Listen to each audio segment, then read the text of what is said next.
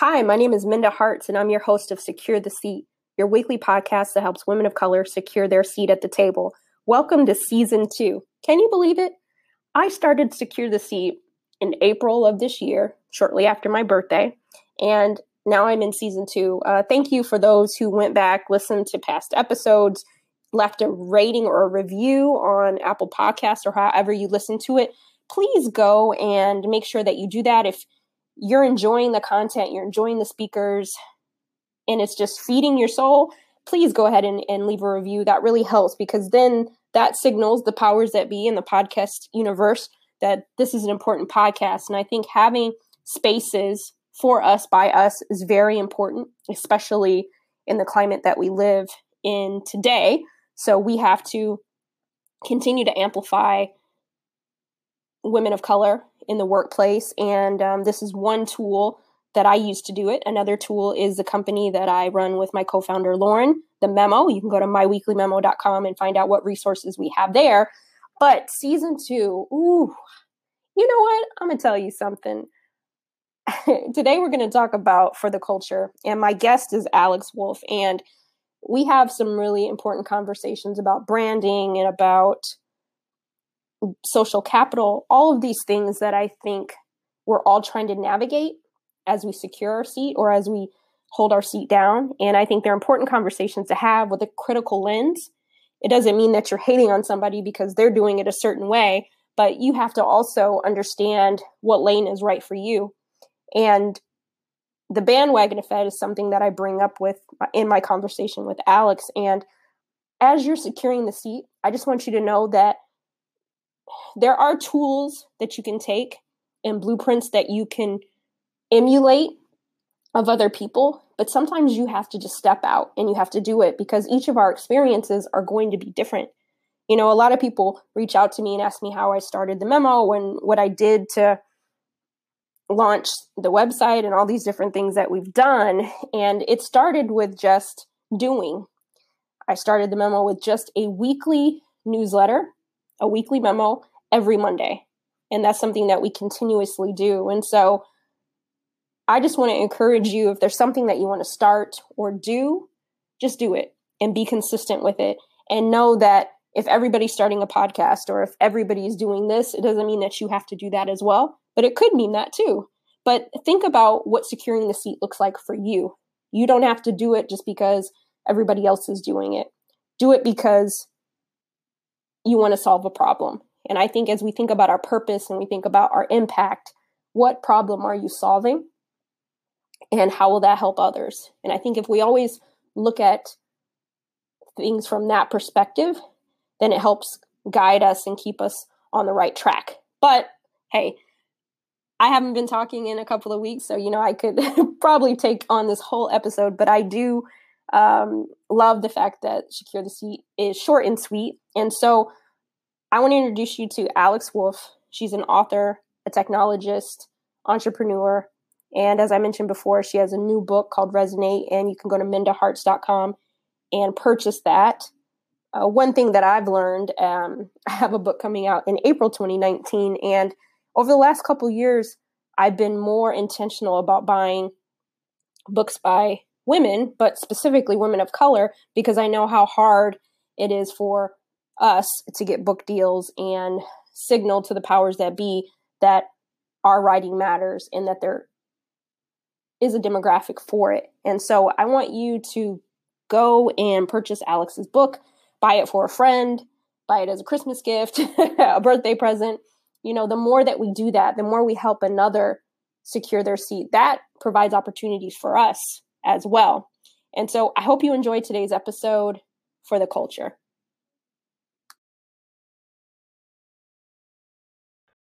Alex, welcome to Secure the Seat. How are you? I'm good. How are you? Doing good. I'm ready to jump into our convo, but before we get started, why don't you tell everybody a little bit about you? Um, okay, my name is Alex Wolf. I am an author and an artist with a business background. Um, I care a lot about technology, social technology, human nature, and um, art. That's I love me. it.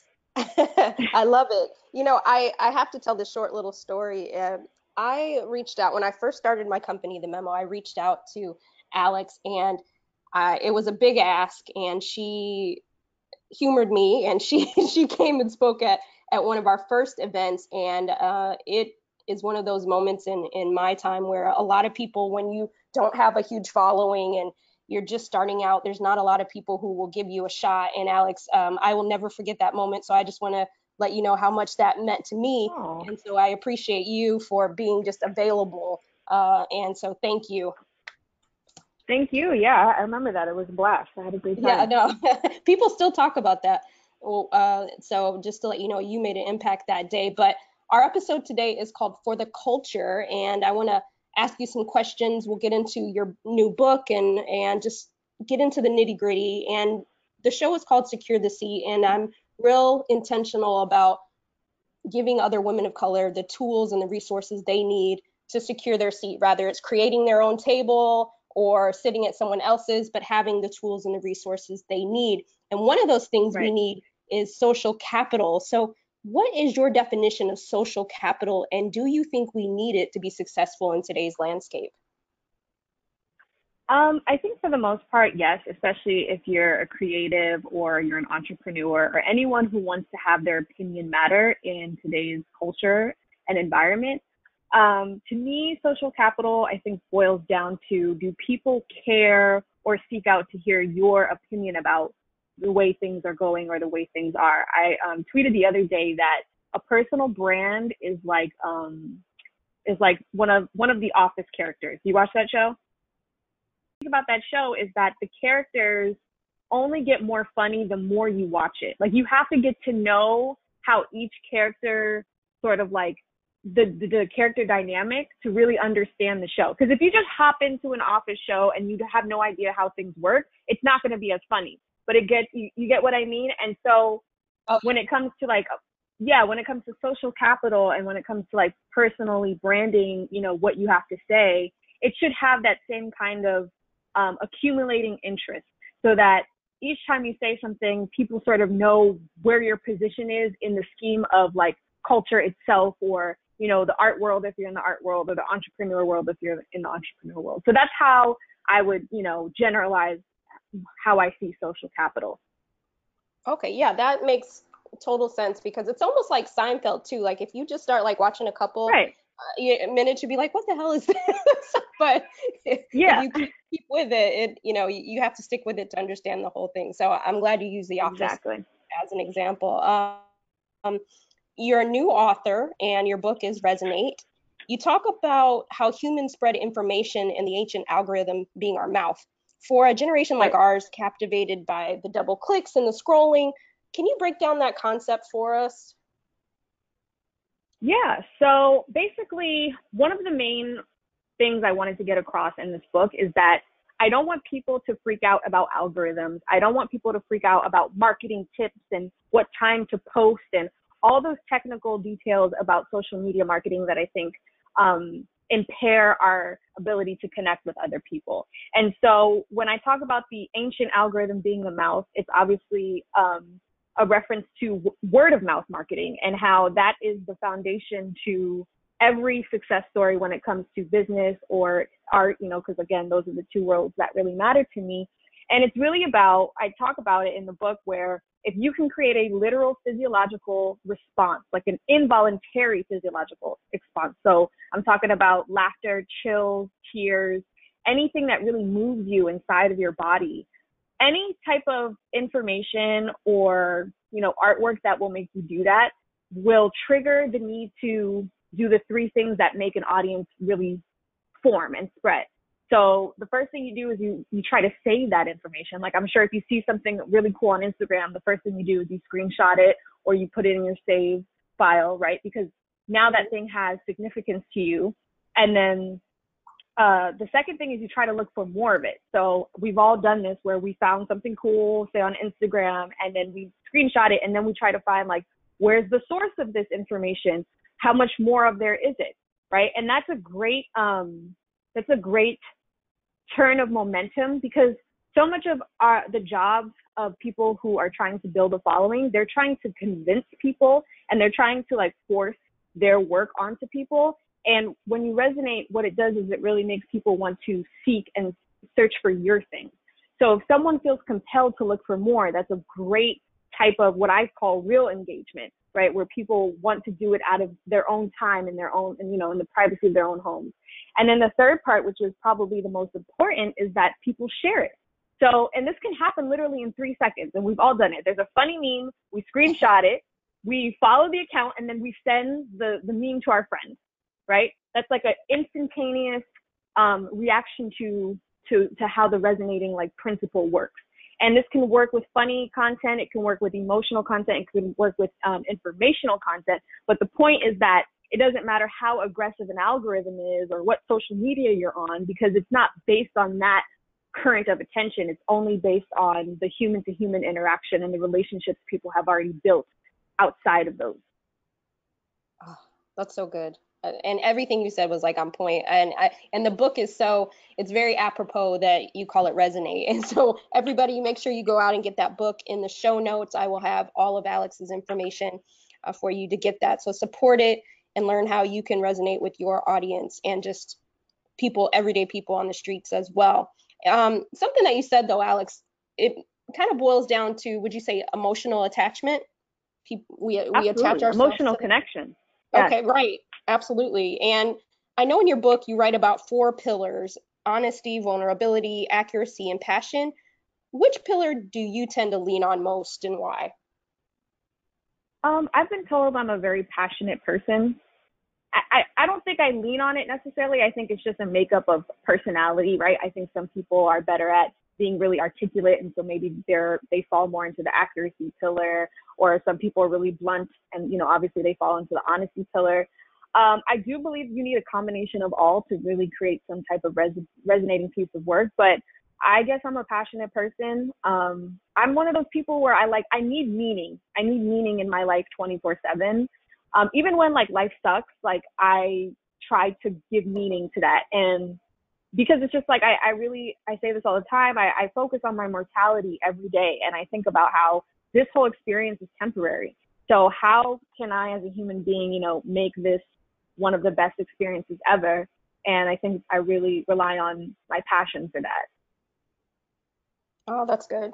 Yeah, that's interesting that you think about that every day. I think that's a, a good way. I was just reading something on um, a mentor of mine, Tiffany Dufu's Twitter page, and she was saying that, you know, today she, someone said to her, you know, if today was your last day to live on this earth, how would you go about your day? and it, it, made me think about what you said just the things that we do and the decisions that we make living it like it's our it's our last right and sometimes i think that's a great strategy and i think sometimes that can be the, the other way you can look at it too is like just knowing that one day you will inevitably die it may not be today might not be your last day but the point is that one day will be and that's the only known we really have. Everything else is pretty much up in the air. That's the only thing that we can really depend on knowing to happen. So given that absolute variable, how can we configure the rest of the variables in our life? Because I think a lot of us walk around really not thinking about the fact that there will be a day, you know, where that happens. Yeah, absolutely. Um, and I'm much older than you, Alex, so I think about it a little more often. but, yes.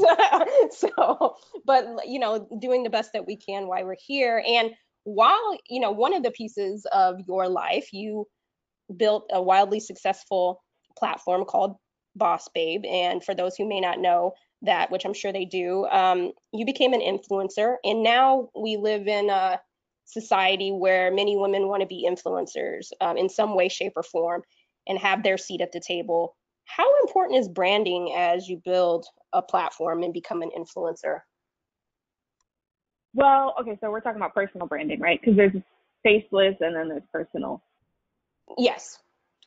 Okay. So if how you want important to into both, or you want to just take which one you think is most important right now, your call. All right. Well, I can already hear like the the people who don't want to do the personal branding wanting to know the answer to this question too. So I will say one of the common one of the common denominators of all brands is that they need personality. So even if it's not your face on the front of every picture or whatever, whatever the tone of the combination of the images, the verbiage you use, um, the the philosophies you stand by, all of those need to create a cohesive personality that people can feel attached to. So like, you know, Glossier does a great job of this, the skincare um, brand that you know has kind of blown up in the past few years. Any sort of any brand that doesn't have a face, if it if it's going to stand out in 2018 and beyond, it definitely needs to have some sort of philosophical root and um, value. And of course, like I said, that goes across the board, but that's where a lot of people get confused as far as like you know, well, which one should I do? The point is, both of them are going to have to have a say in the culture. And um, do I think it's important to have a personal brand? Unfortunately, yes. um, and the reason why I say unfortunately is because I think a lot of people are getting very confused about what that means they'll have to do. I, I kind of make a joke about, and you know, in the book and when I do talks of how people think a personal brand means you got to hire a professional photographer and take pictures like that look like you've never had a bad day in your life and you know you have to like pick three colors and then you're done. And um you know i think i think many people have been there and we've all been there i've been there but that's not really what a personal brand is. A personal brand is really just a synonym for personality again. And um, I talk about how the primary reality we're living in is now virtual reality, meaning how we engage and interact with each other online. So it's about the way you show up on there is going to distinguish how much, how, how people associate you and the personality that you have. And so that's why, you know, beautiful pictures and colors, they can enhance that experience, but you can't rely on that alone for people to really understand who you are and what you stand for and what you care about that has to be done by actually you know voicing those things and illustrating those things out to your to your audience and to the ether. Yeah wow. I'm glad you touched on both because i even think about when i started um, the memo i did not i bucked against ha- being the face of the brand. Like i did not want to do right. that. I just wanted to be very faceless. My co-founder she didn't want it either. But the more we enter into that space, people want to connect with you, and so you kind of have to. People have prefer a face. Yeah. Yeah. Yeah. So I, I'm glad you did that. And for those people who feel like, no, I don't want to be the face, you know, then you don't want a brand, right? Absolutely. Absolutely. Yeah. People people talk about it like anyone can do it. And I'm like, I'm sorry, I, I hate to be the bearer of, of disappointment, but this is not something everyone can do. It takes it takes the the willingness to put yourself out there and that's something only minority people have. It's not the end of the world. There's other jobs, but you know, yeah. I think that should be said now because I I rather be honest than than you know convince a bunch of people and to go in a direction that's not going to be prosperous for them eventually. Yeah, it's an ugly truth, but it's the it's reality, you know, and it's not for everybody. Yeah, and, and yeah. I think that it, my whole thing too is that that's why I said unfortunately in the beginning of this question because I don't want to create a system in which that's an ugly truth. It should just mm-hmm. be a truth because I firmly believe there's enough other things that need to be done um, that pay great and that can fulfill people's lives that go beyond personal branding. So that's good. You know, you're. I love the way you think because I want to ask you like a hundred more questions, but I'm gonna I'm looking at my, I was thinking of them. I, am like, stick to the script, Minda, stick to the script. Okay. so, but yes, uh, um, that is true. There are a lot of other jobs. Everybody does not have to have, you know, a million Instagram followers or there are other things to do and how to get. Please, get. God, no. Yes. so, um, it's all good. Um, the other thing, I think while we're talking about it, feeling like we have to do it because the next person is doing it, that bandwagon effect. Right. Um, yeah. We see it a lot, definitely in communities of color where you know you feel like you have to do a podcast or create a t-shirt line like you're not doing enough if you're not doing what everybody else is doing. Do you think as a culture we've lost our ability to be innovative because we're just kind of copying each other? Or i'd love to hear your thoughts on that. I think i think the bandwagon echo chamber thing is a total like uh normal sort of behavior for humans. Like humans have been doing this forever. Like oh what's cool? This is cool. I'm going to do it I think, you know, the internet has probably made that very clear and, and obvious, but those are those are normal social patterns. Now, as far as um, the question about is innovation declining, innovation again is is also a very um, it's it's only something a small percentage of the population has the guts to do. It's always been that way, and so when I think about like creatives and people who feel like they need to start a podcast or whatever, sell t-shirts because that's going to make them appear to be more put together. Um, I actually have a lot of theories behind why I think this has gotten to the point that it is. And I am concerned about it because um, I actually just uh, drafted up this this sort of like mini presentation about how the effects of split second communication, which is images, right? Because images only take a split second to make. Like you just, mm-hmm. you know, you just need to like sit, stand there and smile for one second. And um, since our and since our culture is communicating via images, we are communicating sort of in just with these like really beautiful split second moments of our life, and it totally neglects the hours and days and months of which we are in agony and, and confusion and pain. And so we're sort of like speaking to each other in this cryptic language. And unfortunately, it's getting people to spend those hours and those months and those days on creating really cool split second moments. And I think that there needs to be more dialogue around, well, what are the social consequences to this? What do we lose? And mm-hmm. I, I, my heart breaks at the thought of all the women and men who are, you know, uh, feeding themselves that self sabotage every day about, oh, I'm not good enough. This, you know, I got to do this and I got to do that because it's all based off of a of um uh, an incorrect uh, reference, which is other people's images. You know, those are not even you know uh, real you know substance for to, to base these this, these life changing decisions with. You know, like starting a business is a life changing decision, or branding your certain self, yourself in certain ways is a life changing decision. We're seeing all types of repercussions for how being on the internet for a long time, you know, this our history is becoming archived. So, mm-hmm. you know, that again, I have a lot to say about all of that. I think that we we're as innovative as we've probably always been, which is just a little bit. But it doesn't mean that we can't ask these questions, and it doesn't mean that you know being innovative and being and doing things that fulfill you are mutually exclusive. Like they don't have to be related to each other. Like we can still find out solutions that make us feel better than what we're doing now without necessarily having to innovate entirely, but just by being more true to ourselves and saying right. "f this," you know. Mm Mhm.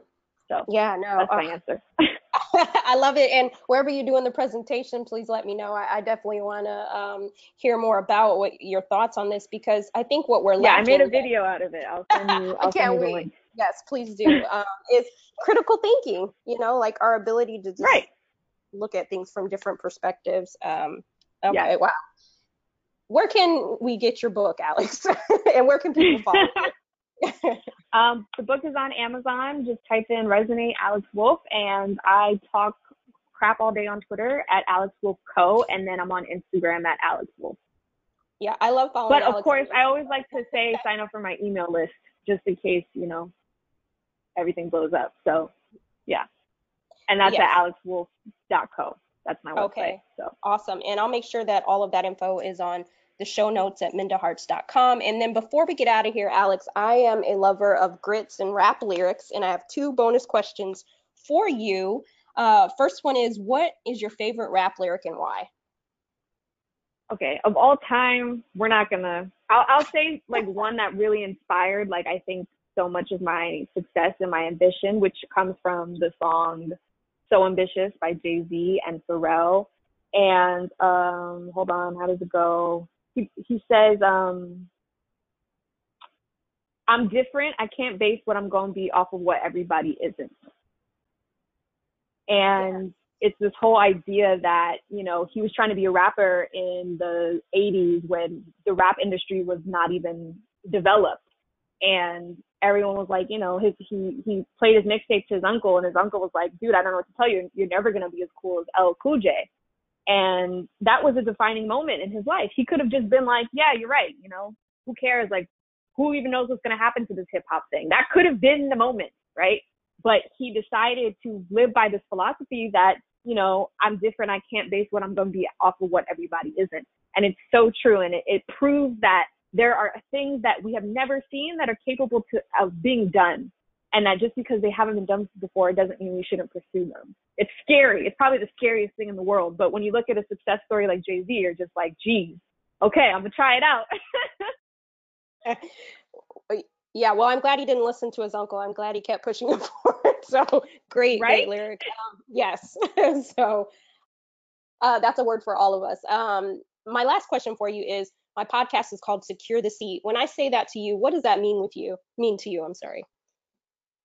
Um, I think it means that become a person where your opinion is respected and you know and understand that we are in an opinionated world and there will be people who disagree with you but if you can honor your own creativity and curiosity enough to develop thoughts and ideas that people really value then your seat is secured in the sense that people trust you and people will trust what you have to to say and people will take risks on your ideas which i think you always need as a business person or an artist